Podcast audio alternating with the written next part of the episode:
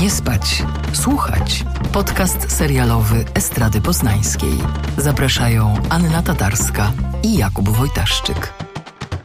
Dzień dobry Państwu. Witamy w 97. odcinku podcastu Nie spać, słuchać. Z tej strony Kuba Wojtaszczyk i Anna Tatarska, która zaraz się przedstawi. Ja tu czekam w milczeniu, wiesz, nie wiem kiedy wejść. Więc tak, Już możesz. Tylko tak, wiesz, takie de demoniczne sapanie z, z drugiej strony kraju. Voldemorta. No, tutaj daleko mi pewnie, ale jestem, jestem. Dobrze, dziś zajmiemy się serialem o zbyt długim tytule Kobieta z domu naprzeciwko dziewczyny w oknie od Netflixa. Okej, okay, ale moje gra gratulacje, że, że zapamiętałeś, chociaż pewnie przeczytałeś, co? Bo ja nie mogę Oczywiście, zapamiętać że, cały czas. że przeczytałem. No, jest to tytuł skomplikowany, e, do czego pewnie zaraz dojdziemy, ale zanim o tym porozmawiamy, jeszcze powiem, że na koniec gorąco zachęcam do wysłuchania mojej rozmowy z Krystianem Pestą, czyli Horstem z behawiorysty, a który opowiada mi między innymi o tym, jak to jest grać pełnokrwistą, negatywną postać w opozycji do Roberta Więckiewicza. Uuu, to jest trudne. W ogóle chciałam powiedzieć, że to na pewno jest trudne, bo Robert Więckiewicz jest aktorem niezwykle charyzmatycznym, ale z chęcią posłucham. Ale zanim do tego wszystkiego dojdziemy, to pogadajmy może o Oscarach. Za nami nominacje do 94.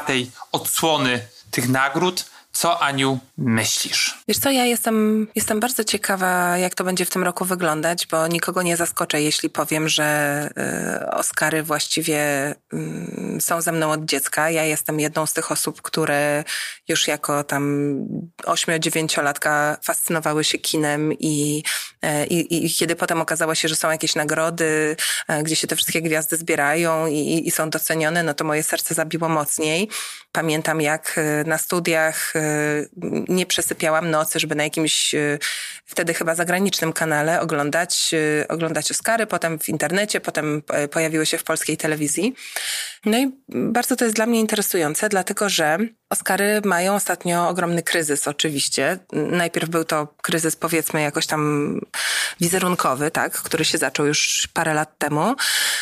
Natomiast teraz jest on połączony z kryzysem oglądalności. W zeszłym roku transmisja z Oscarów miała absolutnie najniższe wyniki w historii, co bezpośrednio wpływa na prestiż tych nagród, bo przecież ekspozycja medialna jest niezwykle ważna i też na pewno generuje przychody konieczne do tego, by ta gala wyglądała w odpowiedni sposób. Tak, no i trzeba dodać, że była produkowana przez Studenberga w tamtym roku i to nadal nie spowodowało dużego sukcesu. No, ta zeszłoroczna gala była bardzo specyficzna, bo y, ze względu na, na pandemię ona została bardzo, bardzo zmniejszona. Obecni byli właściwie chyba tylko nominowani. Y, ona się odbywała na dworcu w Los Angeles i miała taką, taką formułę, można powiedzieć, koktajlu. Nie, nie była to sala wypełniona gośćmi specyficzne warunki, ale widać, że ten mniejszy show niespecjalnie przemówił do widzów, bo tak jak mówiłam, wyniki były no,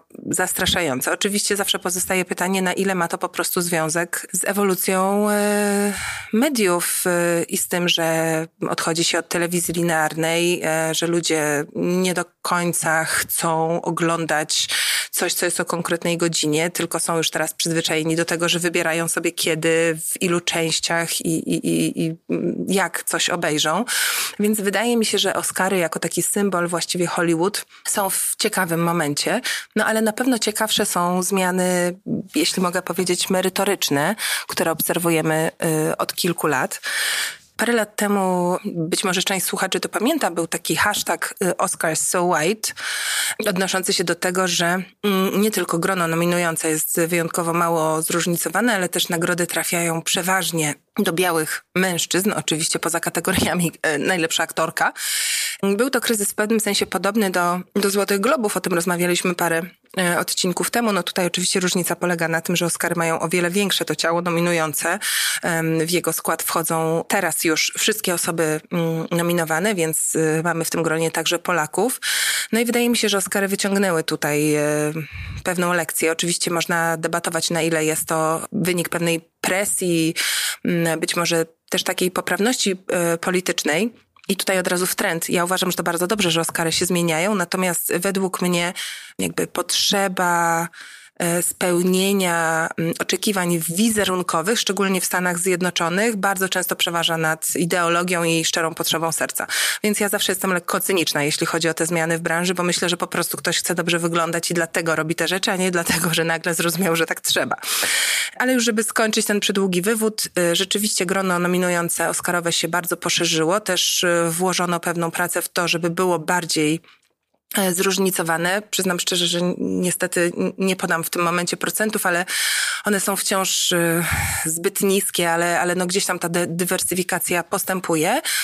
I e, wydaje mi się, że od 2019 roku i Mm, świetnych Oscarowych wyników filmu Parasite, widzimy pewną, pewną ewolucję, która w tym roku się tak utwierdza. To znaczy, z jednej strony jest to powolne odrzucanie wiążących przez lata kategorii gatunkowych, których na przykład globy się cały czas e, trzymają. W tym roku mamy filmy, które były nominowane w kategoriach na przykład zarówno najlepsza fabuła, jak i najlepszy film animowany. Wcześniej byłoby to nie do pomyślenia, chociaż wydaje mi się, że jest to całkiem logiczne, prawda? Ale też chyba nieco bardziej aktywne poszukiwanie potencjalnych y, kandydatów, y, dlatego że w tym roku y, do puli aktorów nominowanych, tak jak właśnie mm, między innymi dwa lata temu, trafili zarówno aktorzy z propozycji obcojęzycznych, ale też aktorzy mniej znani z produkcji, które jakoś tam były faworytami, na przykład Cody Smith-McPhee E, z psich pazurów. Więc reasumując, ktoś się postarał, tak sądzę. Ja bardzo się cieszę i to pewnie jest e, konsekwencja tego Oscar So White, że mm, nominuje się filmy nieanglojęzyczne w kategoriach y, nie tylko międzynarodowy, najlepszy międzynarodowy film zagraniczny, czy jak tam to się nazywa, że mamy Drive My Car jako y, najlepszy film, jak również Hamaguchi został nominowany za najlepszego y, reżysera. E, I za scenariusz bodajże też. Też norweski Najgorszy Człowiek Świata. Fantastyczny tak, film, fantastyczny. który niedługo trafia do kin i my niestety nie będziemy o nim rozmawiać, bo rozmawiamy o serialach, ale absolutnie proszę Warto. tego po prostu nie przegapić. Na przykład dostaje nominację za y, scenariusz. Więc to są świetne, to są świetne zmiany według mnie też branżowo, bo one jednak, mam nadzieję, też pokazują, że ta konkurencja jest o wiele dalej, tak? I że teraz ten import w cudzysłowie talentów z zagranicy mm, już nie będzie się opierał wyłącznie na takim widzimisi, widzimisie hollywoodzkim, tak jak to bywało drzewiej na przykład z twórcami z Meksyku. Tak był taki trend na twórców z Meksyku i, i tutaj jakby i Del Toro na tej fali i Iñárritu. Y, gdzieś tam w pewnym momencie ktoś uznał, że, że, że, że ich wrażliwość, taka real, realizm magiczny będzie generowała y, przychody. No więc teraz y, takie szersze spojrzenie i powiedzenie, o ten scenariusz nieamerykańskiego filmu był doskonały, a ten reżyser nieamerykańskiego filmu świetnie sobie poradził, też po prostu poszerza to spektrum i wydaje mi się, że, że to będzie fajniejsza, kreatywna, bardziej zróżnicowana y, współpraca. Bardzo cieszę się również, jakby pozostając w tym um, Oscar So White, że um, Smith w końcu doczekał się, znaczy on już chyba miał nominację, ale um, że teraz ma faktycznie szansę na taką, no na wygraną. E, ja bardzo tego King Richarda polubiłem. Króla Richarda ma polski tytuł. Jakub? No właśnie to jest, ja znalazłem King Richard, y, coś tam rodzina. Czekaj, eee, ble, ble, ble. Ble, ble, ble.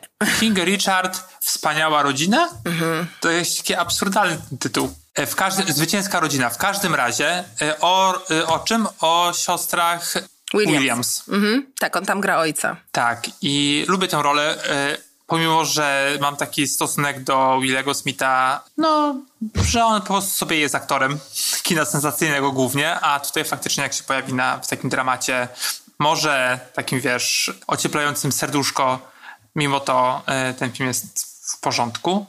Tak samo Denzel Washington e, za tragedię Macbetha.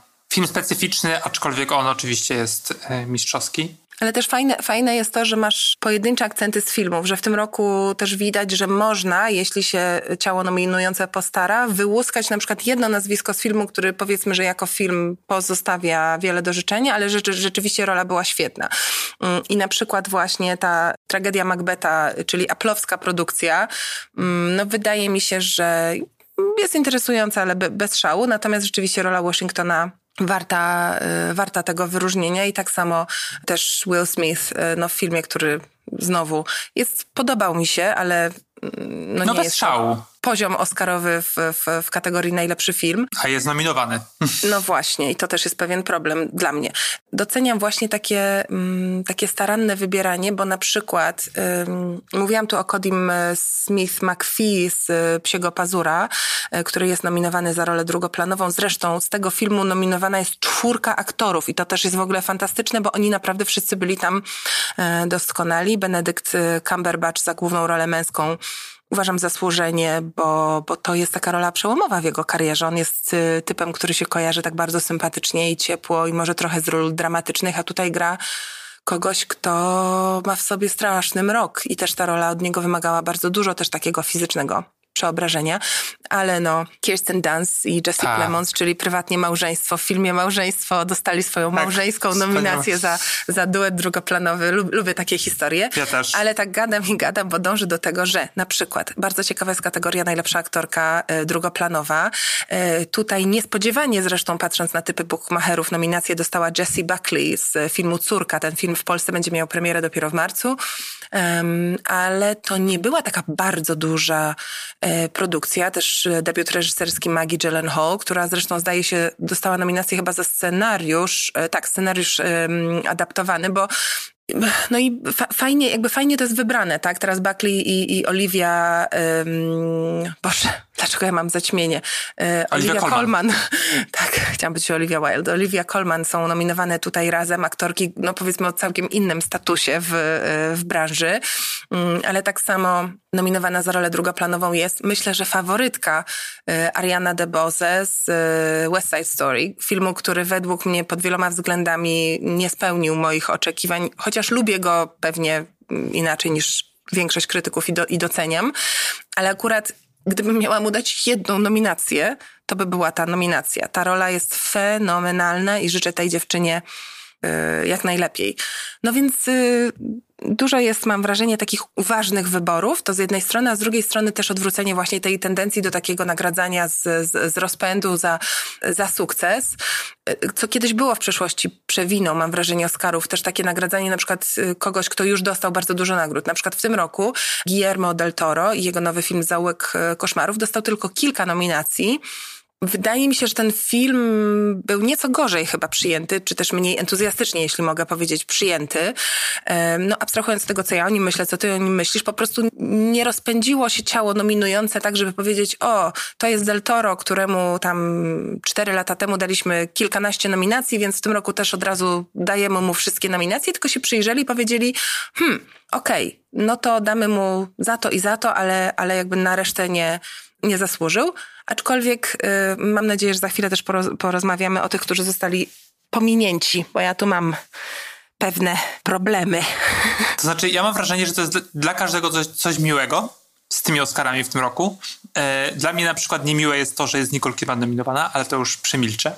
E, za ten okropny, okropny film najgorszy. Ja go cały czas nie widziałam, więc nie mogę niestety ci tutaj... Ale nie tylko ona, jest też Javier Bardem i J.K. Simmons. To również jest mega, wiesz... Znaczy, wydaje mi się, że J.K. Simmons, y, właśnie to są takie postaci, Nicole Kidman tam jeszcze pół biedy, aczkolwiek te bez akt, najlepsze aktorki to po prostu jest sama białość i to mi trochę przeszkadza, bo brakuje mi na przykład Tess Thompson za Passing, film, który jest ok. Film jest taki sobie, ale rzeczywiście, y, wiesz co, no, taką osobą wymienioną z tego filmu, która była najbardziej pominięta, to była nie Tessa Thompson, tylko Ruth Nega, która też miała nominację y, chyba do BAFTY i, i, i no gdzieś tam była wysoko właśnie. No i Lady Gaga nie dostała nominacji w tym roku. Tak, to jest po prostu smutek największy i no zabrała jej Penelope Cruz. Ewidentnie za, za Matki Równoległe. Tak, tak jest chyba polski tytuł. Mhm. Tak, taki jest, y, taki jest tytuł, to prawda. No właśnie to jest, to jest takie podchwytliwe, bo myślę sobie, że mm, czasami są role, które są w pewnym sensie podobne. To znaczy, w tym roku na przykład takimi rolami podobnymi w pewnym sensie dla mnie byłaby Lady Gaga, Penelope, nie, Lady Gaga, Nicole Kidman i Jessica Chastain. To znaczy wszystkie trzy grały w filmach, które były takie mm, bardzo wyraziste, nawet momentami przerysowane i ich obecność ekranowa polegała na byciu takim na 150%. Więc z tej perspektywy rozumiem, że nie zostały wybrane wszystkie trzy i że kogoś trzeba było odrzucić. No ja nie mogę powiedzieć, żebym zamieniła kogoś na kogoś, bo tak jak mówię, cały czas nie widziałam tego filmu Being mhm. the Ricardos. Um, natomiast mnie cieszy na przykład nominacja dla Jessica Chastain za o, Oczy Tammy Faye. To jest taki film, który niedawno wszedł do, do polskich kin. Nie wiem, jak sobie radzi. Myślę, że może być z nim różnie w Polsce, ale na poziomie aktorskim no to jest e, sztos, że tak powiem. Mimo tego, że właśnie grają w bardzo ciężkiej charakteryzacji i łatwo jest pomyśleć przez chwilę, że to jest przesadzone, ale polecam e, wygooglować, że tak powiem, pierwowzory tych postaci i człowiek się dziwi, że rzeczywiście to było możliwe, ale było. Ja czasami miałem wrażenie, że y, osuwa się Chastain w taki SNL jednak par, w parodię jednak mimo wszystko, pewnie zamierzoną. No ale taka, taka była ta bohaterka, o to chodzi, że właśnie to jest niesamowite i to jest czasami problem takich filmów, że ona rzeczywiście wygląda jakby, jakby grała nadmiarowo, tylko że potem googlujesz sobie Tammy Faye, oglądasz jej wywiady i myślisz sobie, matko, jak to w ogóle było możliwe? Ta osoba taka była. Natomiast y, podobno zaskoczeniem jest nominacja dla Kristen Stewart za Spencer, a ja ci powiem między nami, że to jest, ja bym chciała, żeby ona dostała tego Oscara. Uważam, że ta rola jest fantastyczna. To jest aktorka, z którą mam trudną i, i wyboistą ja drogę. Pamiętam te memy z czasów zmierzchu, jak się, jak się śmialiśmy, że, że ona każdą emocję gra tym samym wyrazem twarzy. Wielokrotnie mnie denerwowała. Natomiast uważam, że przeszła ogromną drogę, bardzo się rozwinęła i właśnie nie tylko pod względem wyborów, bo mogłaby podejmować ciekawe wybory, kiepsko w tych filmach wypadać, ale według mnie ona też ewidentnie popracowała nad warsztatem. Bardzo mocno. Tak jakby wzięła do siebie chyba chyba to, że to, jak ją świat widzi, nie do końca pasuje do tego, jak ona chce być widziana, bo ona też y, po prostu jest bardzo inteligentną dziewczyną z, y, z fajnym wyczuciem estetyki, która sobie też reżyseruje w wolnych chwilach. Na razie chyba short tylko, ale zdaje się, że gdzieś tam szykuje się do dużego, tak, do dużego tam. filmu. I ja uważam, że ona jest w tym filmie mm, zachwycająca. Ja również chciałbym, mimo wszystko, żeby ona dostała z tych, z tych kobiet, które były nominowane. E, aczkolwiek ja mam z tym filmem tak, że raczej wolałbym o nim zapomnieć, ale ją jak najbardziej kupuję i to jest takie właśnie, tak jak ty powiedziałaś, taki trochę love-hate e, relacja, że trochę mnie wkurza, ale jednocześnie jak się, ona dla mnie niesie film, że jak pojawia się w kinie, to idę na nią, niekoniecznie na, niekoniecznie na, na obraz. I to jest, e, to jest ciekawe bo mam też takie, już kilkukrotnie to mówiłem, to jeszcze raz powiem, że mam takie właśnie y, aktorów i aktorki, których na początku właśnie nie lubię i w pewnym momencie oni jakoś taką drogę w mojej głowie przechodzą, że to są, wiesz, takie moje postaci, które, które kupuję zupełnie. Ja bym, bo pewnie już kończymy powolutku rozmawiać o Oscarach, to jeszcze tylko od siebie chciałam dodać y, parę rzeczy, bo tak przeglądałam różne rankingi y, pominiętych i rzeczywiście chciałam jeszcze wspomnieć o paru, paru osobach. W Polsce film Red Rocket właściwie tylko przemknął. On był chyba pokazywany na, na festiwalu, na American Film Festival, ale jeśli ktoś miał szansę go oglądać, to, to przypomnijmy, że grający tam główną rolę Simon Rex y, był gdzieś tam w tych typach i według mnie byłby dużo ciekawszą opcją niż, ale znowu nie widziałam filmu, więc tylko podejrzewam, Javier Bardem, tak sądzę, no, tak, tak przypuszczam. Andrew Garfield też spokojnie mógłby y, wypaść y, z tej puli na rzecz Rexa. Akurat mi się on bardzo w tej roli podobał, muszę przyznać, ale brakuje mi e, na drugim planie Bradley'a Coopera. No trochę rozumiem, dlaczego nie został nominowany, bo ta rola w Licorice Pizza była malutka, ale jaka to jest rola? Och, jaka to jest cudowna Wspaniała. rola, naprawdę. Kradnie, jest... kradnie ekran. Dokładnie. Jeśli po coś są dwuminutowe pojawienia się na ekranie, to po to. No i oczywiście Alana Haim została pominięta również z Licorice Pizza. No to jest dla mnie skandal muszę ci powiedzieć. Uważam, że y, jak pamiętam, jak w dawnych czasach były takie, pamiętasz Oscara dla Anny Paquin um, za fortepian na przykład. Tak. Um, to, to, to była rola według mnie tej skali, to znaczy początek wielkiej kariery, niesamowicie charyzmatyczna ekranowa obecność, więc no myślę, nie że to cierpię, jest... Nie cierpię Anny Paquin, przepraszam, przepraszam. No ale to jakby w pewnym sensie to nie ma znaczenia, chodzi mi o to, że ja, ta rola oczywiście. była magnetyczna, tak, nie? Więc to prawda. Mm, to, co się z nią stało później, to jest co innego. I na przykład mm, wiem, że dziennikarze się oburzali, że Jennifer Hudson, która e, zagrała w, w ubiegłym sezonie e, Aretę Franklin w filmie Respect, który do Polski cały czas nie trafił, mimo że już, już miał, że ona nie dostała nominacji, aczkolwiek to mnie nie boli tak bardzo, jak, jak właśnie to pominięcie Alany Haim. Natomiast na koniec od siebie powiem tylko, że e, Justice for Denis Villeneuve, w ogóle brak nominacji w tak, kategorii reżyserskiej dla niego, oczywiście. uważam, że to jest, e, e, skandal. Mm, ja jestem wielką fanką e, nowej Duny i dla mnie to jest właśnie jakby no, nowe kino akcji, nie wiem jak to powiedzieć, no, nowa wrażliwość kina wysokobudżetowego, jakby to jest idealny przykład tego. Zgadzam się. I też y, ogromnie cieszy mnie y, potrójna nominacja dla filmu Przeżyć. Ja go oglądałam pierwszy raz w zeszłym roku na Sundance. On, on tutaj w Polsce się zaznaczył już po raz pierwszy podczas festiwalu Millennium Dogs Against Gravity. Wspaniały film, wkrótce w kinach. Dokument animowany. Flea, tak? To jest po angielsku. Tak, Flea. Dokument y, animowany o uchodźcy z Afganistanu, który układa sobie życie w Kopenhadze i musi się pogodzić ze swoją trudną i traumatyczną y, przeszłością, żeby móc pójść ze swoim życiem do przodu. I to jest y, pierwszy raz w historii, mm, kiedy film został nominowany w tych trzech kategoriach. Czyli e, najlepszy film animowany, najlepszy dokument i najlepszy film e, nieanglojęzyczny. No myślę, że, że Oscary możemy y, zakończyć. Ja oczywiście kibicuję najbardziej, właściwie nie wiem, chyba Drive My Car jest takim albo, albo Psie Pazury również, to taki film, który na mnie zrobił bardzo duże wrażenie nie wiem, za kogo ty trzymasz. To ciekawa przeplatanka. Mam totalnie różne typy w, w, różnych kategoriach i, i tak jak na przykład bardzo cieszy mnie nominacja dla Janusza Kamińskiego, to nie jest on moim faworytem w kategorii najlepsze zdjęcia, chociaż oczywiście jest fantastycznym operatorem. Natomiast ym, widziałam już większość filmów krótkich i, i sukienka Tadeusza Łysiaka, która dostała nominację. Uważam, że naprawdę jest, y, absolutnie ma szansę zdobyć tę nagrodę. Jestem wielką fanką tego filmu, odkąd go pierwszy raz zobaczyłam w 2020 roku i, i, i życzę mu jak najlepiej. Wydaje mi się, że można ją zobaczyć na YouTubie, ten film. Już nie. Już, Już nie. nie. Okay. E, uściślijmy, film był pokazywany w ramach takiej właśnie chyba przedoskarowej kampanii, ale teraz już nie jest y, dostępny. No dobrze. Za to dostępny jest serial na Netflixie pod tytułem Kobieta z domu naprzeciwko dziewczyny w oknie. Uh, hi, I'm Anna.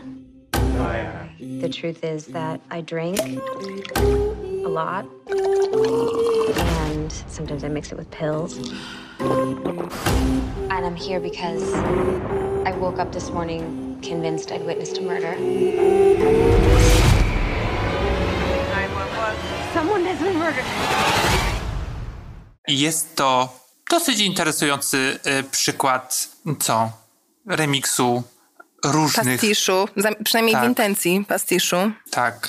Różnych e, filmów właśnie, gdzie główną bohaterką jest protagonistka, najczęściej uzależniona od różnych substancji, która dostrzega zbrodnię lub wydaje jej się, że ta zbrodnia się wydarzyła, no i postanawia pobawić się w detektywkę, w skrócie. No tak, tutaj myślę, że dość szybko będziemy mówić o tym, jaki jest problem tej, tej produkcji, bo intencja jest bardzo interesująca, tylko że teoretycznie punktem wyjścia dla tego filmu był, dla tego serialu był film e, Kobieta w oknie. Mm, Kobieta w oknie to jest film, który został trochę pokonany przez pandemię, trafił dość e, szybko na, na Netflixa. E, wcześniej zresztą miał swoje przygody z, ze zmianami montażowymi, bo zdaje się, że się nie, mm, nie podobał tak, jak się miał podobać. E, w, w głównej roli występowała Amy Adams, która też temu filmowi specjalnie nie, nie pomogła i mm, miał on no, bardzo złe recenzje. E, co czyni go dość podchwytliwym punktem wyjścia do pastiszu, bo tak jak twierdzą niektórzy, kobieta w oknie sama w sobie była filmem na tyle złym, że oglądało się go jak tak zwaną guilty pleasure, czyli film tak zły, że, że aż dobry. Czyli jeśli punktem wyjścia do pastiszu jest coś, co samo w sobie jest pastiszem, no to trochę przesuwa środek e, ciężkości. I myślę, że też ten film nie był na tyle popularny, żeby nawiązanie do niego było, było jasne. Tak jakbyś, nie wiem, zrobił film e, Jurassic Park na Pacific Rim, nie wiem, jadą w, w Gwiezdne Wojny, no to być może wszystkie części jakby tego tytułu byłyby mm, oczywiste, natomiast tutaj to nawiązanie może nie do końca być, być jasne ze względu na ograniczony sukces tamtego filmu, a dodajmy, że jest to o tyle istotne powiązanie, że serial, o którym mówimy, którego tytułu y, nie wymówię poprawnie, ale może teraz ty to zrobisz za mnie. Kobieta z domu naprzeciwko dziewczyny w oknie. Bezpośrednio nawiązuje y, no, właściwie do, do, do, do tamtego konkretnego filmu. Ale oczywiście nawiązuje też do tych wszystkich książek, takich można powiedzieć y, czytadeł, tak jak wspomniałeś, czyli tam, nie wiem, Zaginiona dziewczyna, y, Dziewczyna z pociągu, gdzie jest jakaś właśnie dziewczyna, czy też, czy też kobieta, jakaś tajemnica, jakieś śledztwo. No tutaj Wszystkie te wątki są takie rozciągnięte i, i rozdmuchane, ale mam wrażenie, że ten serial ma ogromny problem ze znalezieniem równowagi i czasami jedzie po bandzie w sposób, który by mi jako widzce odpowiadał. Tylko, że potem znowu zaczyna iść takim bardziej realistycznym torem i ja się trochę w tym gubię, muszę przyznać. A ty jak? Mam bardzo podobnie. Znaczy, lubię elementy tego serialu, takie drobne elementy. Na przykład, jak powiedzieli, powiedzieliśmy, kobiety, główne bohaterki są uzależnione w tych filmach i serialach, są w filmach, są uzależnione od różnych substancji. Głównie to są tabletki e, lub alkohol. I tutaj również jest taka sytuacja, że Anna, grana przez Kristen Bell, po przeżytej traumie, śmierci swojej córki, no zagląda do kieliszka i bardzo lubi czerwone wino i ma w kuchni misę wypełnioną korkami po tym winie, jako taki po prostu, no nie wiem, obraz nędzy i rozpaczy, ale też nie do końca. I jednocześnie za każdym razem otwiera butelkę i nalewa ją całą do jednego kieliszka. I ten kieliszek wygląda normalnie. I to jest zabawne raz, drugi, trzeci, ale przez osiem odcinków no już przestaje mnie bawić. Wiem, że ona po prostu będzie no, opróżniać w taki sposób to wino. Lubię też na przykład to, że ona jest artystką i jej przyjaciółka grana przez Melly Holland jako taka marszantka sztuki mówi, że ona jest wspaniałą artystką i widzimy te obrazy, to są zwykłe po prostu kwiaty, które możemy zobaczyć. Tak, to jest takie krakowskie przedmieście w Warszawie, y, stanowiska z y, tak zwaną sztuką turystyczną, prawda? Tak. Kwiaty, maluje takie kwiaty, myślisz tak, hmm, czekaj, czekaj, co? I, i, to, jest, i to jest fajne.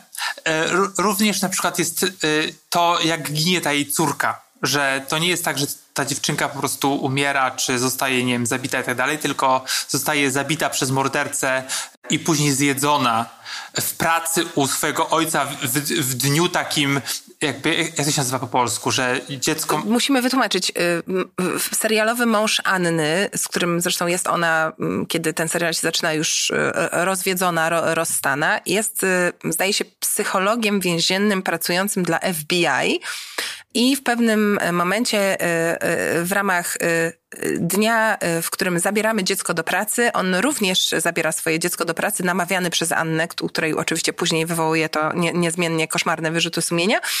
I jak, jak to całkiem y, y, zawsze w życiu bywa, zabiera córkę do y, zamkniętego pokoju z mordercą, z którym właśnie ma tutaj przeprowadzać wywiad psychologiczny, po czym tę córkę tam z nim zostawia kiedy zostaje na chwilę wezwany, a ten morderca jest słynnym pożeraczem ciał. No i on tę córkę zjada. No więc, ale to też, to jest, to jest trochę śmieszne, ale też pokazuje pewien poziom makabry, z którym ten serial dość swobodnie chce sobie radzić, bo tam też jest potem niezwykle, mam wrażenie, przemocowa, taka nadmiarowa scena, w ogóle trochę w stylu Rodrigueza. Nie chcę mówię, mówić o niej za dużo, bo, bo, to jest, bo to jest finał, a jednak wiem, że dla niektórych niespoilerowanie jest, jest istotne. Natomiast ta scena z pożarciem, że tak powiem, w więzieniu pokazuje właśnie według mnie ten problem z wyczuciem tonacji. To znaczy, widzowie, nawet ci, którzy oglądają właśnie pastisze czy, czy satyry, jednak mają chyba wdrukowane pewne jakieś takie ścieżki emocjonalne, czy, czy być może intuicyjne reakcje, Oczywiście mam na myśli, że są wdrukowane przez, przez kulturę, której wzrastamy. No i powiedzmy, że na przykład morderstwo dziecka, tak, zabójstwo dziecka jest gdzieś bardzo wysoko na tej skali, jest takim, no powiedzmy, hardcorem, tak? Więc jeśli chcemy coś takiego w serialu pokazać i to ma być komediowe, no to Wydaje mi się, że to musi być w bardzo staranny i przejrzysty sposób ograne, tak, z pomysłem. A tutaj od początku właściwie wiadomo, że, mm, że coś takiego się wydarzyło, ale jest to potraktowane tak jakby po, poważnie, tak? W ogóle jakby nie jest zaznaczone, że, że, że, że to jest ten, ten, ten komediowy trend. Więc ten serial trochę skacze pomiędzy byciem najpierw takim gagiem z SNL, a zaraz potem poważnym dramatem. I ja mam trochę problem z wyczuciem tego. To prawda i znaczy właśnie ten gag mi się w miarę podoba z tym, z tym pożarciem dziecka, ale później nawiązania do niego już niekoniecznie, bo mm, ta przyjaciółka na przykład y, mówi do Anny, że jakby musisz jakby wrócić do żywych, bo przecież ty nie umarłaś z tą córką. Jakby to jest taki już mocny, dramatyczny trop, który znamy e, no z takich, wiesz, pełnokrwistych dramatów.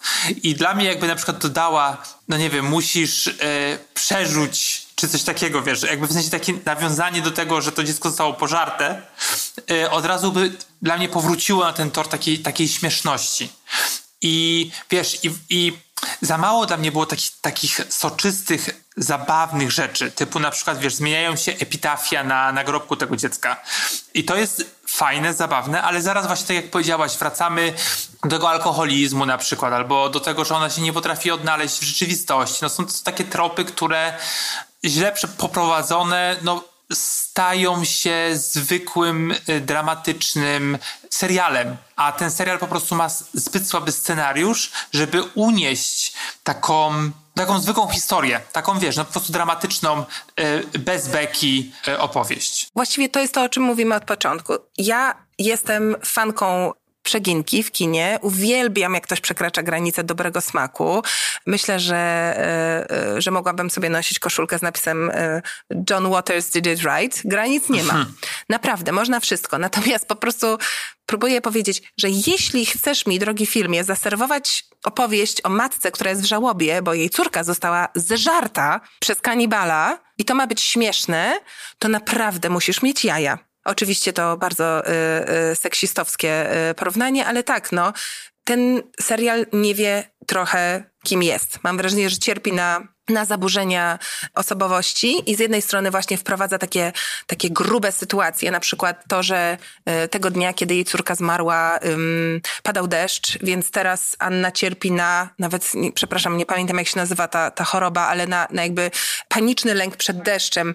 Tak, ma, ma deszczofobię i po prostu jeśli tylko spadnie na nią kropla, to ona za, zamiera właściwie i mdleje, więc notorycznie mdleje na tej ulicy dzielącej um, dom swój i tego sąsiada po, po drugiej stronie przystoi w którym się podkochuje, a którego potem podejrzewa o, o, bycie, o bycie mordercą. Mogę wtrącić, bo a propos tej właśnie tego strachu przed deszczem, to jest super nawiązanie, znaczy super, to jest nawiązanie do tej kobiety, y, kobiety w, y, w oknie, która miała agrofobię i bała się Agorafobię, po prostu tak, wyjść. Tak, tak. Agorafobię, przepraszam, i bała się wyjść.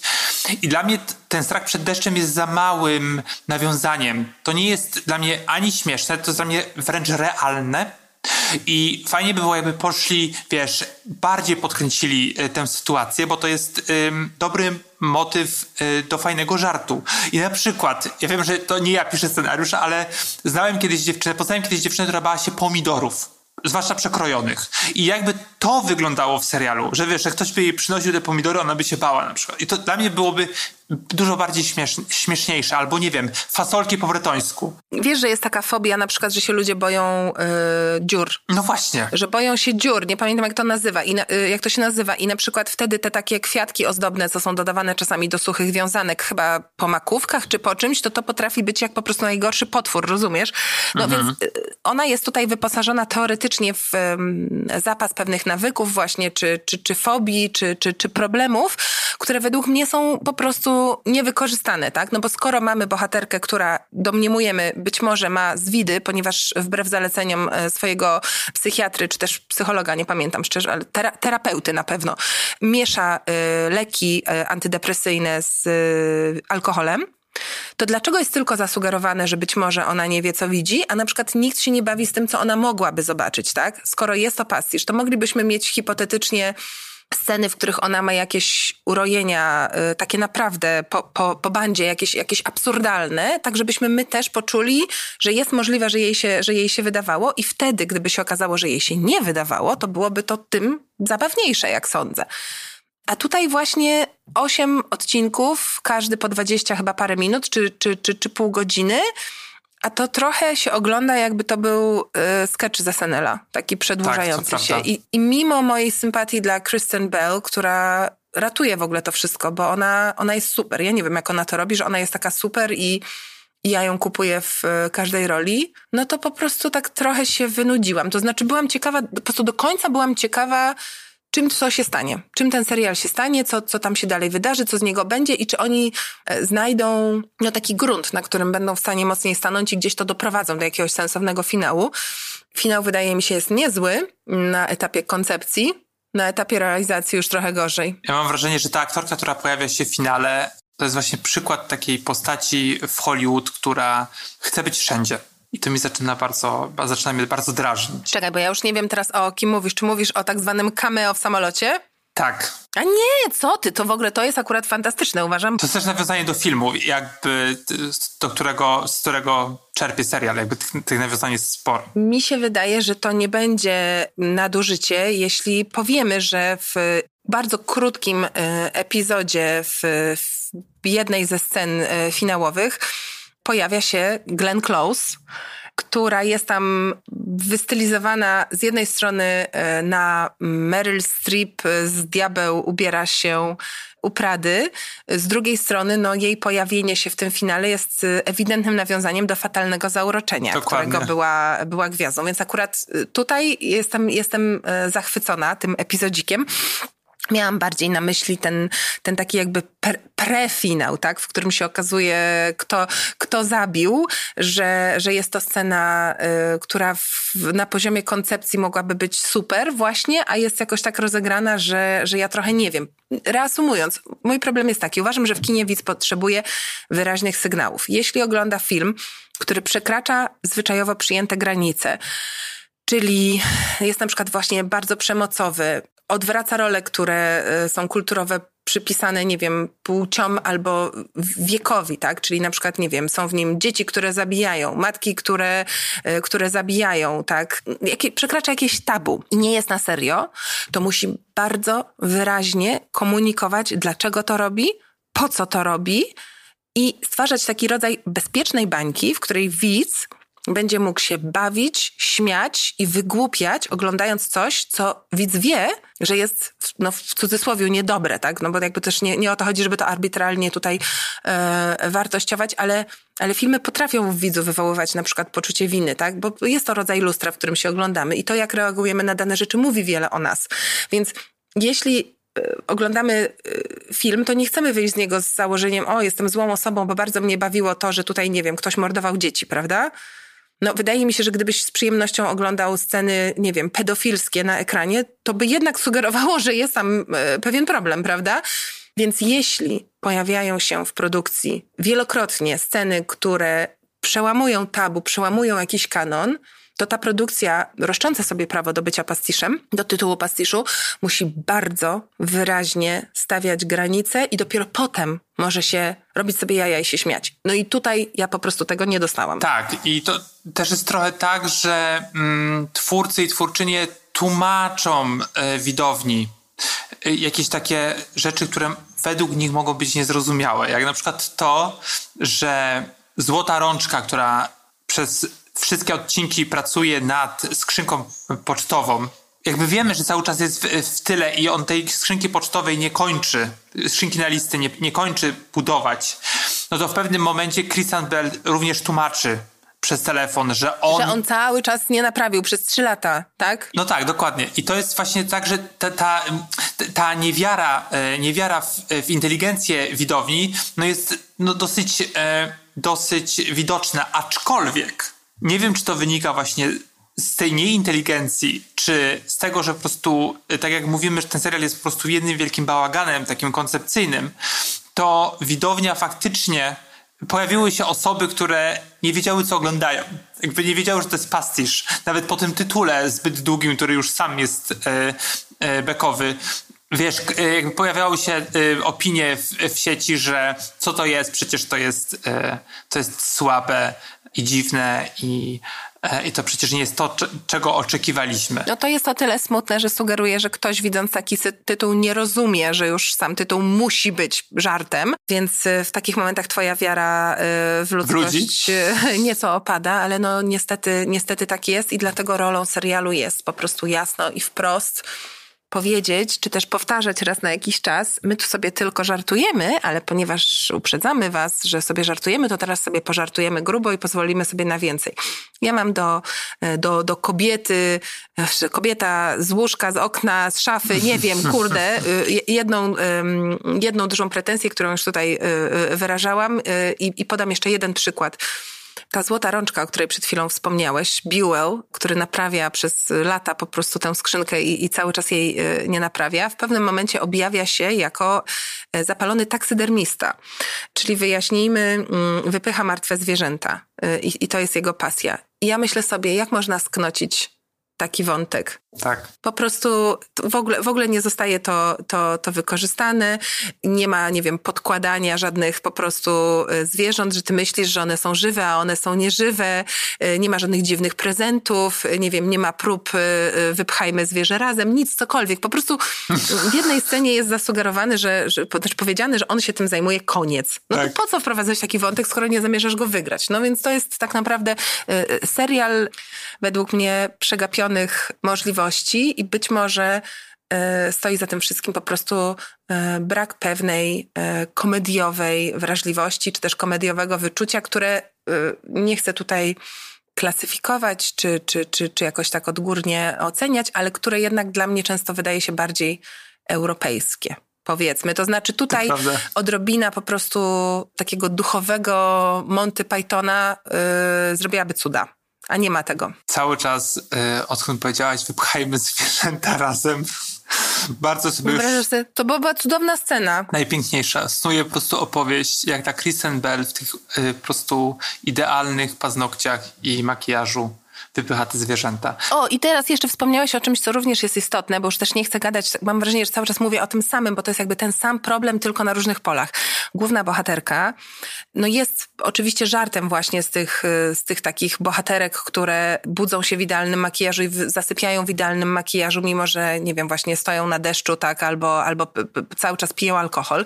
Nie trudno sobie wyobrazić, jak mogłaby wyglądać kobieta, która dziennie wypija półtora litra wina minimum. Minimum. I bierze leki a jednak Anna, kiedy się budzi w swoim e, szlafroku, zawsze ma właśnie perfekcyjny makijaż, takie rzęsy gąsienice i włosy, które wyglądają jak peruka, więc to jest w zamierzeniu oczywiście konwencja, ale znowu nie wygrana ta konwencja i, i nie wiesz, czy to oni po prostu chcą, żeby ona tak wyglądała, czy to, czy to miał być dowcip. Jeśli to miał być dowcip, to dlaczego nie jest bardziej umalowana, tak? Albo bardziej przebrana. No mało jest to wszystko wyraziste, no. Ja chciałem tylko jeszcze z, dla mnie z plusów, już wspomniałem o tej przyjaciółce Anny, którą gra Mary Holland. E, I to jest taka aktorka komediowa, która e, ma coś w sobie z Sary Paulson, może delikatnie, że ona faktycznie potrafi mimiką, miną e, bardzo dużo pokazać, zagrać i to jest bardzo śmieszne e, i ona jest taką trochę mm, creeperską stokerką, która pojawia się, wie, że powinna zadzwonić, ale już jest pod, pod domem swojej przyjaciółki, żeby sprawdzić co u niej.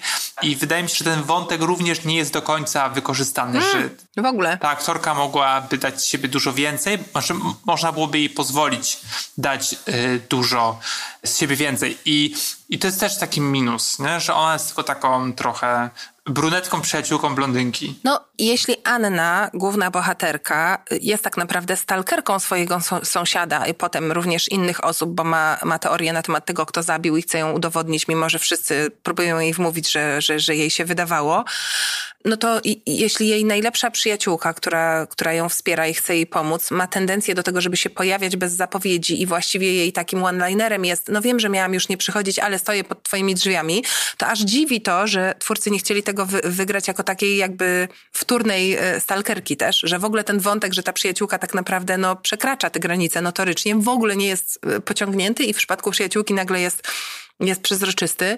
No i też y, mi jakoś tam w tym filmie przeszkadza, ktoś powie, że mam obsesję, ale brak takiej świadomości społeczno-feministycznej.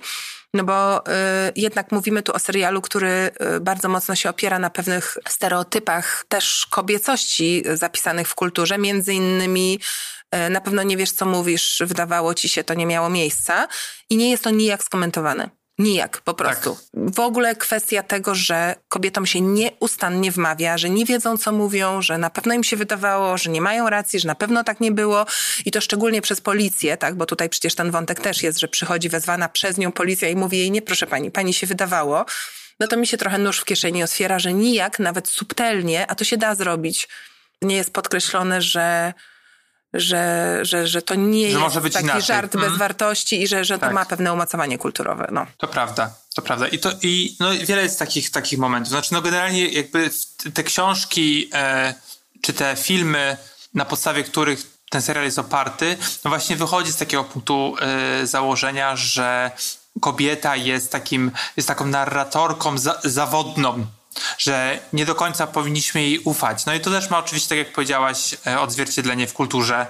Fajnie by było, jakby to było zaprezentowane trochę inaczej. No, no cóż, no jakby generalnie być może drugi sezon, który zapewne się pojawi, bo Kristen Bell jest mocno zaangażowana w e, promocję i jakby w, też w produkcję tego, tego serialu pewnie się pojawi. I też ten finał, finał z Glenn Close to zapowiada. E, czy będę oglądać? Nie wiem. Nie, nie będziesz. Nie będziesz. Ja no, też mam będę. na myśli, myślę, że go jednak nie będzie, bo akurat y, twórcy bo Kristen Bell rzeczywiście tutaj występuje jako producentka, natomiast twórcy scenariusza i całej koncepcji y, nie byli z nią związani, zanim ona się jakby pojawiła na, na pokładzie i oni zapo jakby zapowiadają, że, że widzieli to jako zamknięte dzieło jednosezonowe. Oczywiście znamy milion historii, kiedy pieniądze czy sukces to zmieniły, natomiast Myślę, że to jest taki pistolet z jednym wystrzałem i, i mam nadzieję, no. Mm, taki samobój. Ślepak, o to jest z pistoletem związany. No dobrze, w takim razie bardzo Ci, Aniu, dziękuję za tę konwersację o serialu, który w końcu się nam nie podobał, jak żeby obu nam. Nam obojgu, ale ja nie wiem, bo obojgu. to zależy, czy ty jesteś, y, wiesz, he, him, she, her, czy, czy co, no więc... Y, Obo, obojgu. Obojgu. Polski trudny język. Dobrze, to dziękuję ci bardzo, a teraz zapraszam na moją rozmowę z Krystianem Pestą z Behawiorysty. Dzięki. Dzięki. Nie spać, słuchać. Wszystko o serialach. Bardzo miło jest mi powitać w Nie spać słuchać Krystiana Pestę. Proszę opowiedz mi, e, jak trafił do ciebie scenariusz behawiorysty?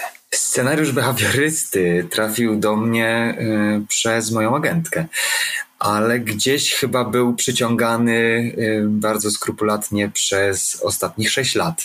Ale absolutnie nie wiedziałem, że taki będzie miało to swój finał, ponieważ po raz pierwszy trafiłem na książkę Remigiusza Mroza sześć lat temu, kiedy po prostu jako czytelnik trafiłem na behawiorystę. Bardzo mi się to spodobało i, i wtedy sobie pomyślałem, że bardzo chciałbym zagrać kiedyś w przyszłości postać Horsta. Absolutnie nie wiedziałem o tym, że e, prawa zostały wykupione do tej książki. Ja w pierwszej chwili wyobrażałem sobie to bardziej jako film, a stało się tak, że został wyprodukowany serial.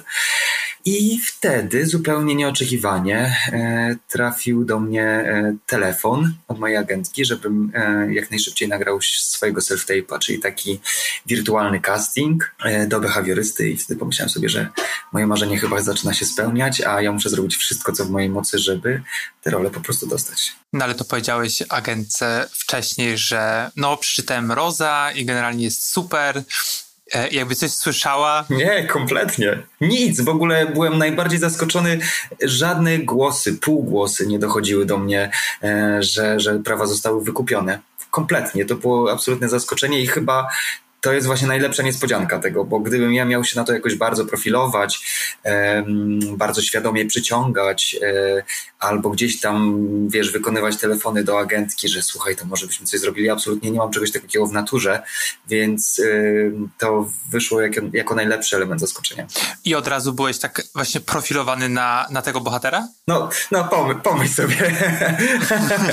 tak, tak. Ale ty, ale w sensie y, ty chciałeś tego, ale czy agentka na przykład myślała, myślała, czy y, producenci serialu myśleli o tobie w kategorii właśnie Horsta? Y, tak, od początku był to Horst. Podobno trwały bardzo długo zdjęcia próbne, self-tape, przeglądanie mnóstwo kandydatów i gdzieś tam ciągle nie można było znaleźć tego Horsta i nagle um, Łukasz Palkowski wpadł na taki pomysł razem z Ewą Bakalarską, odpowiedzialną za reżyserię obsady e, i tutaj nastąpił kontakt do, do mojej agentki, a teraz jak patrzę z takiej perspektywy, jak ta układanka bohaterów bohaterów wygląda i jak wygląda nasz serial, e, no to trochę też za bardzo do innej postaci nie, nie, nie widzę tam siebie, dlatego że młode postaci są postaciami kobiecymi, bardzo silnymi i, i bardzo dobrze, że tak jest. Dlatego no, tutaj wybór był pomiędzy Gerardem Edlingiem E, jeszcze postacią graną przez Mirka Haniszewskiego tak naprawdę i, i, pozostałe postaci to są bardzo, bardzo silne e, postaci kobiece. Remigiusz Mróz nazywa Horsta największym zwrolem, jaki on napisał. Co ciebie zainteresowało w tej postaci? Oczywiście, że też te jego e, powiedziane przez Remigiusza zwyrolstwo, ale mm, bardziej to, że zobaczyłem w nim, co się kryje za tą powłoczką tego zwyrola, za tym psycholem, za tym czarnym charakterem mm, i to było najbardziej nęcące dla mnie jako aktora, żeby móc zgłębić ten cały środek i to, co wydarzyło się wcześniej e, w jego przeszłości, to jakich braków doświadczał, że wykonuje takie rzeczy, jakie wykonuje. I tu bardziej jakby właśnie ta próba znalezienia człowieka w człowieku. Okej, okay. w książce dostajemy mm, cały przekrój psychologiczny przez tego bohatera. Tak. Co ty dodałeś od siebie? Jak lepiłeś tę postać? To, co było dla mnie najważniejsze, to to, żeby nie był to bohater czarny, czarny, jeśli stosujemy rozgraniczenie na biel i czerń. Ponieważ wyszedłem z takiego założenia, że gdyby to był bohater stricte czarny, szwarc charakter, byłby zwyczajnie nudny. Oczywiście my uwielbiamy jako widzowie, jako czytelnicy, jako aktorzy e, również e, czarne charaktery, bo są bardzo sprawnie, bardzo ciekawie napisane i tam się kryje bardzo dużo, kryją się całe meandry różnych motywacji, motywów e, i tak dalej. Ale to, co było właśnie najważniejsze, to znaleźć te wszystkie odcienie szarości, które kryją się w tym bohaterze i nie być aż tak demonicznym w tym wszystkim, bo to już widzimy po literach, to już widzimy po czynach, ale u, ubranie go w najróżniejsze kolory tego, kim my też jesteśmy na co dzień i trochę takie, taką przerażającą diagnozę w tym wszystkim w środku, że takich horstów może być wokół nas bardzo dużo. Mamy, mamy sytuację mm, galerii handlowej, mamy internet, e, mamy jego na ulicy widocznego i, i jak, nie mogąc też za wiele powiedzieć, co się będzie wydarzało w następnych odcinkach, ale y, y, taka przerażająca wizja tego, że takiego Horsta możemy dzisiaj mijać właśnie na ulicy, możemy mijać go w piekarni i z jego oczu nie bije. Jest jakby jakiś pewien rodzaj przeraż, prze, prze, czegoś, co nas przeraża, ale jest jednym z wielu. I nie, że jak miniesz go w w tej przy, przykładowej piekarni to masz takie, o Jezu, ale zwyrok, o Boże, nie, no to na pewno już tam zabija ludzi, nie? Tylko, że czasami jakby też te morderstwa, czy cała ta zaplanowana gra jest pewną wypadkową tego wszystkiego, co w nim siedzi w środku, więc te, te odpowiadając na twoje pytania, to szukanie tych odcieni najróżniejszej szarości. Horst ma motywację ku tym wszystkim morderstwom, których który wykonuje, dokonuje czy planuje, ale tak jak powiedziałeś, on nie jest do końca taką negatywną postacią. Gdzieś to wszystko e, ma związek z jego dzieciństwem, z jego dojrzewaniem, z tym, co przeżył. No ale właśnie, czy ty go tłumaczyłeś, tworząc tę, tę postać, jakby szukałeś takiego, no nie wiem, czegoś dobrego w jego charakterze? Absolutnie. Oczywiście nie da się jego wytłumaczyć e, w 100%, bo musimy dokonać bardzo obiektywnej oceny tego, co robi e, i jednak mm, mamy do czynienia z ofiarami tej gry. Natomiast e, absolutnie szukałem wszystkich rodzajów ciepła, które, które w nim się gdzieś tlą i czasami absolutnie ta gra jest totalnie świadoma, ale y, gdzieś może dostawać tego białego oka, choć jakby absolutnie nad tym wszystkim totalnie kontroluje, to jednak szukanie tych momentów ciepła y, było dla mnie bardzo ważne i też no, nie mogę za wiele powiedzieć, ale dochodzi do, do takiego pięknego przełamania też tego bohatera w dalszej części historii, kiedy jedna z bliskich jemu osób mówi, że Horst, ty po prostu trafisz do więzienia nikt tobie nie kazał zabijać ludzi. I kiedy, wiesz, to jest trochę coś takiego jak e, kilka osób potrafi nam coś mówić i gdzieś jednym uchem wpada i drugim wypada i, i nie zostaje z nami. Ale często to absolutnie nie musi być właśnie bliska osoba. To może być totalnie przypadkowa, ale jeśli taka osoba mówi ci coś, przychodzi ten moment, kiedy w tobie ta uwaga zostaje. I to była na przykład, te, to był ten rodzaj poszukiwania w tej jednej ze scen, o których teraz zacząłem ci opowiadać, że następuje pęknięcie też tego bohatera i wychodzą z niego emocje, których absolutnie my jako widzowie się nie spodziewamy, że w nim one również są. I yy, staram się kluczyć tak, wiesz, dookoła, żeby za wiele nie opowiadać, ale właśnie to są te rodzaje ciepła, gdzie widzimy w nim właśnie tego człowieka. I to, jak z pewnymi osobami w pewnym momencie się spotyka i jakie wyzwala z siebie emocje, co w nim tam się gotuje, to, to tak, to, to są te kolejne przejawy ciepła. Pomidor. Nic więcej nie mogę. E, Okej. Okay. Jego morderstwa, czy jakby to, to, to całe planowanie e, tych różnych zbrodni ma bardzo silny związek e, nie tylko z kapitalizmem, tak mi się wydaje przynajmniej, ale też właśnie do tego dochodzą social media, jakieś reality show, gdzieś to jest wszystko połączone, wiesz, w, w książce Mroza, ale no te, teraz też w serialu i też te motywacje tego bohatera, to jest bardzo ciekawe dla mnie, nie do końca są właśnie takie, jakby możesz je w jakiś sposób wytłumaczyć. Tak gdzieś, nawet jeżeli tego nie chcesz, trochę się tego wstydzisz, to jednocześnie gdzieś tam gdzieś z tyłu głowy masz taką lampeczkę, że halo, przecież na przykład ten człowiek, który może zostać zamordowany, wcale nie do końca jest postacią dobrą. Dokładnie. I może mu się na, to należy. I chyba też trafiliśmy na coś takiego, na czym e, Horstowi bardzo zależało, czyli zaangażowanie jak największej liczby ludzi do tego głosowania, żebyśmy sami stanęli przed pewnym dylematem wagonika, który się znajduje. I, I, pamiętam, że to gdzieś też była taka moja obserwacja zaraz na samym początku, kiedy przeczytałem książkę Remigiusza, że tak naprawdę jest to oparte na bardzo banalnym rozwiązaniu. To, to tak naprawdę. mamy, mamy y, czarny charakter, mamy dobre postaci, jest pościg, jest dylemat wagonika, który gdzieś w naszym życiu na co dzień również towarzyszy i ma swoją siłę rażenia w postaci, tak jak wspomniałeś, e, gonienia za lajkami, obserwującymi na, e, na Instagramie, ale też to, co mm, robią z nami reality show, czyli my również decydujemy e, na temat tego, kto powinien przejść do finału, kto powinien odpaść, kogo głos jest lepszy, kto ładniej zatańczył i tak dalej. I, i my gdzieś już tego na co dzień używamy. I, i dokonujemy pewnych wyborów i dokładnie na tym samym opiera się ten dylemat wagonika. Remek wpadł na to po swoich zajęciach, y, które miał na studiach, y, gdzie profesor psychologii podzielił studentów na kilka grup i dokładał po kolei klocuszki do y, dylematu właśnie tego wagonika, którym jako rozpędzony wagonik jedzie i musisz podjąć decyzję, w którą stronę przewrócić zwrotnicę i kto ma umrzeć. Czyli dokładnie ten sam schemat, który my wykonujemy, że para numer jeden z nami zostaje, a para numer dwa odpada. I zaprzęgnięcie dwóch miliona osób, którzy mają głosować, stawia nas też w roli pewnego bohatera, który trochę właśnie próbuje usprawiedliwiać sam siebie, dokonując wyborów poprzez kliknięcie i również zaczynasz wartościować, kogo oszczędzić i kto jest wart zostania na tym Westpadole, a komu się to absolutnie nie należy. A to, co jest jeszcze w tym wszystkim najbardziej przerażające, to i to pamiętam, że już miałem też jako czytelnik, ale nawet już wchodząc jako postać Horsta, który stawia ten dylemat milionom e, widzom, widzów, że brak wyboru jest również wyborem.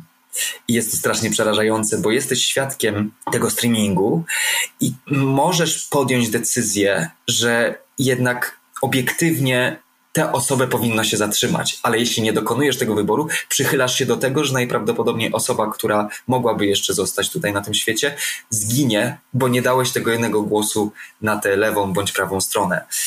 Więc gdzieś jest chyba też ten schemat tego, o czym ty mówisz, właśnie, że trochę my również to usprawiedliwiamy. Usprawiedliwiamy trochę tego Horsta, trochę tę sprawiedliwość, którą wyrządza światu.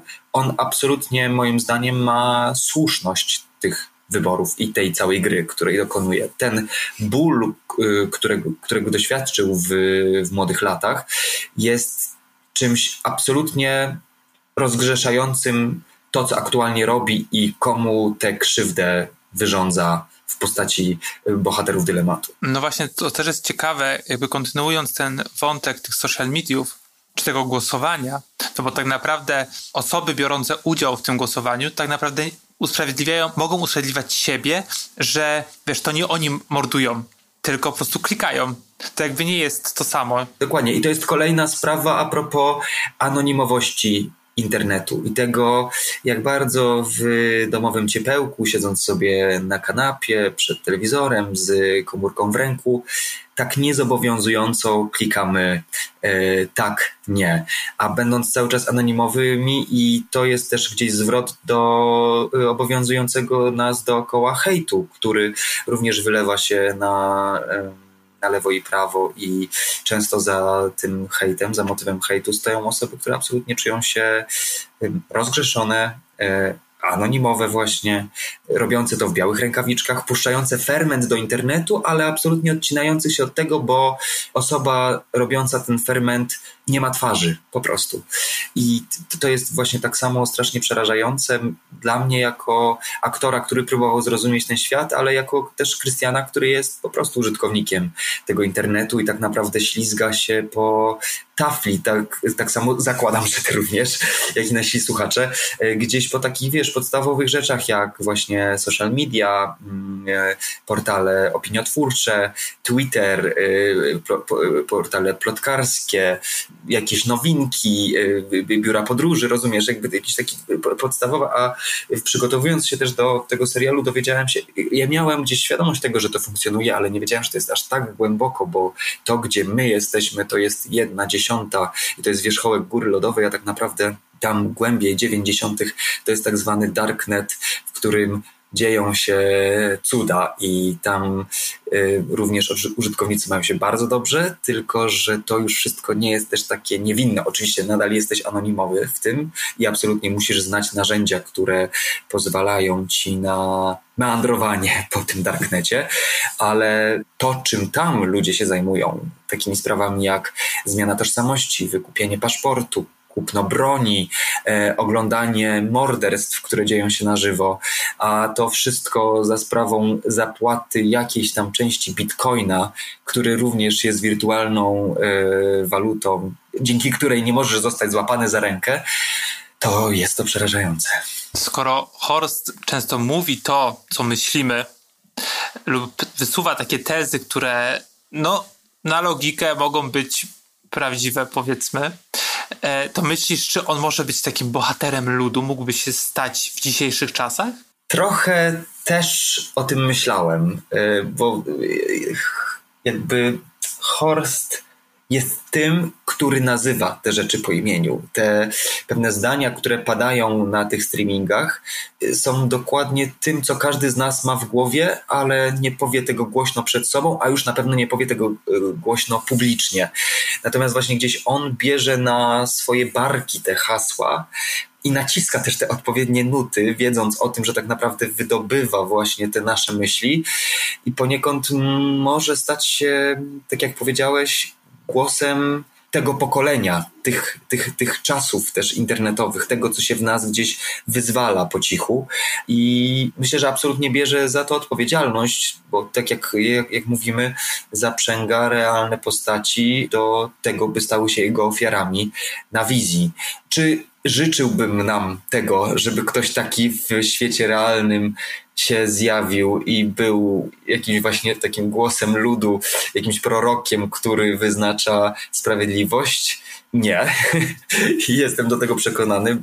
Mimo wszystko nie chciałbym być świadkiem y, takich krwawych igrzysk, które dzieją się w internecie, bo jest to przerażająca diagnoza. Ale jeśli możemy hipotetyzować i być w tym świecie fikcji literackiej i serialowej, y, to jest to na pewno bardzo ciekawe zjawisko i bardzo ciekawy zabieg. Nie można Horsta nazwać antybohaterem, ale uprzejmym mordercą już bardziej.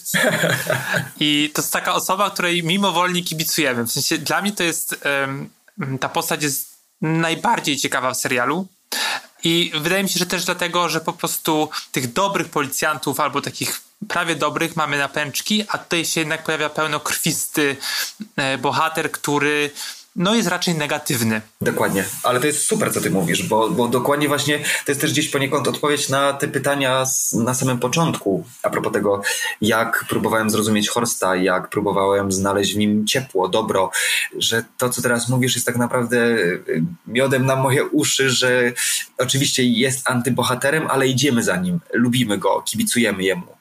Czyli to jest właśnie dokładnie to i może byłoby błędem właśnie, gdybym schował się typowo za czarnym charakterem, straszny, zły, przerażający, mroczny i nikt nie do końca tam chce iść, nie? Masz takie, no dobra, to już wiemy, więc jakby co jest dalej, a szukanie tych różnych punktów właśnie złamań i, jakiegoś oczka, trochę żartu, coś tam powoduje, że nęci widza, odbiorcę i, i chcesz za nim iść i, i, i absolutnie mu kibicować. No właśnie dla mnie takim archetypem jest na przykład, nie wiem, Hannibal Lecter, który jest no mordercą, ale takim właśnie uprzejmym, tak. wyedukowanym i, i tak dalej. Czy ty szukałeś jakiejś inspiracji właśnie w popkulturze, tworząc Horsta? Nie, absolutnie nie i, i muszę to powiedzieć całkiem szczerze. Oczywiście yy, wspomniany Hannibal, czy też inne osoby, które gdzieś funkcjonują siłą rzeczy w naszej popkulturze, czy też po prostu na naszych głowach widzów, oczywiście naturalnie się pojawiają i jeśli cokolwiek było czerpane, to bardzo nieświadomie z mojej podświadomości, bo gdzieś jakby wiadomo, że są pewne już utarte schematy, czy właśnie pewne historie, które znamy. Natomiast ja się absolutnie od tego odciąłem i nawet przez sekundę nie przechodziło, wiesz, nie pojawiała mi się w ogóle twarz Hannibala Lectera, absolutnie w tym wszystkim. Bo też powielanie jakichś schematów y, nie jest ciekawe, ale domyślam się, że y, też w tych kreacjach, które znamy, również ci wybitni aktorzy y, szukali tych różnych momentów złamań i mieli absolutnie też tę świadomość tego, że granie czarnego charakteru jeden do jeden byłoby absolutnie mało atrakcyjne. I nie, komple, kompletnie się to nie, nie pojawiało. Bardziej szukałem, jeśli chodzi o jakiekolwiek inspiracje, to książki, które traktowały o mowie ciała. I bardziej mówimy tutaj o literaturze naukowej, popularno-naukowej, która mm, pozwalała mi zrozumieć pewne tajniki na temat kinezyki, ale też, żeby nie przeładować swojej głowy tą wiedzą, bo tak jak z y, konsultantem, który był y, przy, przy, przy naszym serialu, powiedział jedną bardzo ciekawą rzecz, że moja nadwiedza na temat mowy ciała może być tak naprawdę, może zadziałać w odwrotną stronę. Czyli i też im mniej wiem, tym lepiej, bo wtedy będę próbował zakryć całym sobą tę nadwiedzę, którą posiadłem. A tak naprawdę nieświadomy do końca tego wszystkiego, będę bardziej prawdziwy. A oczywiście dla mnie z perspektywy mojego bohatera polegało to na tym, że mimo wszystko tę wiedzę na temat mowy ciała jakąś powinienem posiadać, bo to, co było w tym wszystkim najważniejsze, to zrozumieć to i powściągnąć absolutnie do zera. Taka była też misja na tego bohatera. I jeśli już pojawiały się jakieś przyruchy czy też sygnały yy, wynikające z mowy ciała, to były one absolutnie świadome, świadome do tego stopnia, że użyte w tej grze powodowały nawet wodzenie Gerarda Edlinga za nos i mylenie go w tropach. Bo kiedy wiesz, że masz przed sobą postać, która jest perfekcyjna, jeśli chodzi o kinezykę, to masz wrażenie, że łapiesz go za, y, za haczyk i kiedy on już myśli, że ciebie przeczytał, bo y, wysunąłeś ręce jako gest otwarcia, absolutnie nie mają znaczyć to, co literalnie znaczą. Wspomniany Gerard, czyli postać grana przez Więckiewicza, Roberta Więckiewicza, e, no to jest takie twoje, twoje postaci przeciwieństwo. No i właśnie na tych opozycjach gracie trochę. To jest taki dla mnie taki stronie, czy sparring, czy już po prostu, e, wiesz, walka ringowa. To może tak, jak tworzyliście te opozycje, e, jak się przygotowywaliście do tych ról i czy na przykład mm, wiesz, przed kręceniem spotykaliście się na czytanie scenariusza, jakby dyskutowaliście o tych, o tych postaciach? To ja odpowiem na tą pierwszą część jeszcze pytania, bo dla mnie y, ten sparring jest y, bardziej bardzo wytrawną grą szachową tych dwóch bohaterów, mm, bo ona bardziej polega na nie na sile i mocy ciała, tej y, tężyzny fizycznej, tylko właśnie na grze dwóch intelektów ze sobą. I z jednej strony absolutnie są to bohaterowie, którzy są dla siebie przeciwwagą i są od siebie inni, a ja w tym wszystkim jeszcze widzę to, jak bardzo są w gruncie rzeczy do siebie podobni. Bo wydaje się, że dwóch bohaterów zostało sparowanych ze sobą, żeby właśnie być na dwóch różnych biegunach, a tak naprawdę nie bez powodu Horst wybiera sobie jego jako swojego przeciwnika, bo wie, że ma godnego sobie rywala, ale też yy, kogoś, który jest do niego bardzo podobny i zrobi wszystko w tej grze, żeby móc go złamać, bo poznając siebie, poznaje tak naprawdę właśnie swojego przeciwnika, jakim jest Gerard Edling. A odpowiadając na Twoją drugą część pytania, to absolutnie nie było spotkań między nami, żebyśmy mogli to ze sobą budować. E, oczywiście mieliśmy takie takich kilka spotkań przed rozpoczęciem yy, zdjęć, ale to było spotkanie wielu bohaterów kluczowych dla tej opowieści, żebyśmy mogli sobie rozczytać te sceny, wiedzieć, gdzie są postawione środki ciężkości, jak będziemy opowiadać to, żebyśmy mogli zbudować jakąś jedną w miarę klarowną narrację, względem której stworzymy ten świat, jeśli za kilka dni trafimy na plan. Czyli bardziej takie wiesz, spróbowanie tych wszystkich energii ze sobą i jak to, jak to działa. A nasze spotkanie pierwsze z Robertem tak naprawdę odbyło się drugiego dnia zdjęciowego całego serialu Behawiorysta, a naszego pierwszego dnia zdjęciowego, zarówno mojego, jak i Roberta Więckiewicza. I zaraz pierwsza scena, która miała miejsce, to była scena e, naszego pierwszego spotkania w sali przesłuchań. Ona była co prawda robiona e, na zdjęciach próbnych jeszcze przed tym, zanim dostaliśmy tę rolę, ale oczywiście później minęło kilka tygodni od tego i, i, i, miałem, pamiętam takie poczucie, że mówię, no dobra, to żarty się skończyły, wiesz, tam to to był casting i, i, i walka o rolę, a tu tak naprawdę mamy już kamery, ekipę, 100 osób stoi, jest gotowych, zaczyna się klaps i zaczynamy. I pamiętam, że ta scena dużo mnie kosztowała, w takim znaczeniu, że absolutnie nie, nie spodziewałem się, że będę tak nią wycieńczony, bo właśnie to poczucie tego trochę takiego zamrożenia, panowania nad każdą kostką swojego ciała, nad mimiką, posiadania też prywatnie takiego giganta aktorskiego, jakim jest Robert Więckiewicz, który siedzi przed tobą.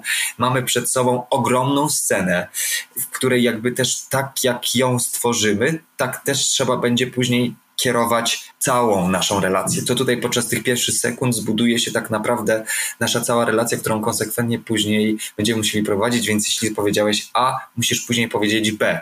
I pamiętam, że kiedy skończyliśmy tę scenę, wyszedłem z tej sali y, pokoju przesłuchań i mam takie, kto wsadził taką wielką scenę, która jest jedną z kluczowych na samym początku. I Robert wtedy wychyla się za ściany i mówi, to byłem ja. Jak to jest możliwe? Przecież może powinniśmy się przetrzeć w jakiejś o wiele bardziej banalnej scenie, wiesz, jakiegoś, nie wiem, korytarza, krótkiej rozmowy, jakiegoś obejścia, żebyśmy mogli ze sobą...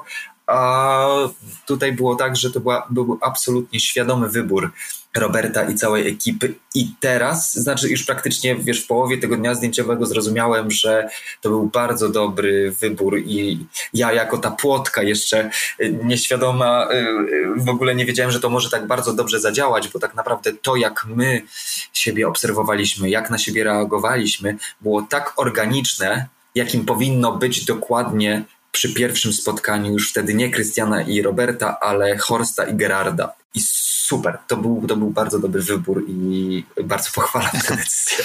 E, behawiorysta jest takim twoim mm, silnym zaznaczeniem na polskim rynku serialowo-filmowym. Tak przynajmniej mnie się wydaje. W takim razie, co przed tobą? Co możesz zdradzić naszym słuchaczom i słuchaczkom? Oczywiście, że nie mogę nic zdradzić.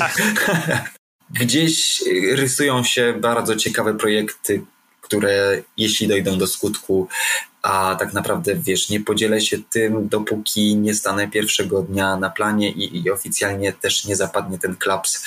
Nawet jednej z najtrudniejszych scen, jeśli miałoby być na samym początku, ale to, co na pewno mogę powiedzieć, to to, że również jestem na co dzień w teatrze. Jestem na etacie w teatrze Jaracza w Łodzi. Tutaj gramy bardzo dużo bardzo fajnych spektakli, ale też zrobiliśmy całkiem niedawno e, spektakl Niepamięć w Teatrze Garnizon Sztuki w Warszawie, między innymi z Agnieszką Więdbochą, Rafałem Królikowskim, Karoliną Gorczycą, Krzysztofem Przeczotem, Magdą Kumorek i Marcinem Korczem. E, bardzo dużo jeździmy po Polsce, więc też uderzymy do fajnych miast, większych i mniejszych. Można nas na co dzień również spotkać w Warszawie, ale też i w Łodzi. Także to oficjalnie mogę zdradzić, bo o tym y, mówimy głośno i bardzo cieszymy się y, tego spotkania z widzami w teatrze, kiedy już naprawdę możemy widzieć się przy tych czasach, jakie są jak będą następne rzeczy, to się złapiemy, porozmawiamy o następnych, bo, bo są równie bardzo ciekawe, ale na ten moment nie mogę nic zdradzić. Na koniec pytam osoby, z którymi rozmawiam o to, jaki dobry serial lub film ostatnio widzieli. Krystianie, co możesz nam polecić? Ja jestem teraz świeżo po euforii. I jestem również na bieżąco, bo jest teraz y, dopiero trzeci odcinek drugiego sezonu. No jest to fenomenalny serial fenomenalny. Ja słyszałem bardzo dużo głosów y, na jego temat wcześniej, y, ale jakoś tak no, w natłoku innych spraw y, nie, nie, nie miałem takiej opcji, żeby to kliknąć. I to pokazuje, mm, jak młodzi ludzie żyją, jakie są ich rodzaje wrażliwości, ich potrzeby, które gdzieś też są mm, chowane przed, przed światem. To pokazuje też bardzo fajną stylistykę i konwencję tego serialu. E, oczywiście począwszy od super ścieżki dźwiękowej, muzyki, która ze mną towarzyszy teraz każdego dnia. Ma tak super vibe, że bardzo lubię gdzieś tam, żeby ona się gdzieś cały czas tliła. Po, po bardzo wyraziste postaci, e, po bardzo aktualne problemy. Więc tak, absolutnie. Kolejną taką rzeczą y, na pewno są sceny z życia małżeńskiego, które, y, które też całkiem niedawno miały swoją premierę i też są bardzo ciekawe od tej strony psychologicznej i tego, jak tak naprawdę świat zbudowany na dwójce bohaterów może być ogromną petardą, która czasami też jest gdzieś schowana, ale to się cały czas ma swoje odpryski i to jest niesamowite, niesamowicie ciekawe. No, kolejna rzecz to jest sukcesja, która też jest super. No mógłbym tak wymieniać, wiesz, no też nam brakuje czasu. Jest, jest naprawdę bardzo dużo ciekawych, ciekawych pozycji, które warto myślę oglądać i, i mamy teraz trochę czasu na to, żeby, żeby sobie to wszystko nadrobić, bo jakbyś teraz mnie zapytał o każdą po kolei platformę streamingową, wymieniłbym ci kilka tytułów, które naprawdę są hot i, i które warto obejrzeć. Dobrze, w takim razie bardzo ci dziękuję za rozmowę. Behawiorystę możecie oglądać na playerze i do zobaczenia, do usłyszenia. Dziękuję również Tobie bardzo za rozmowę i, i, dziękuję wszystkim widzom, którzy zostali z nami do końca i życzę wszystkim wszystkiego dobrego. Dzięki. Nie spać, słuchać. Producentem podcastu jest Estrada Poznańska. Wszystkie odcinki znajdziesz na estradapoznań.pl.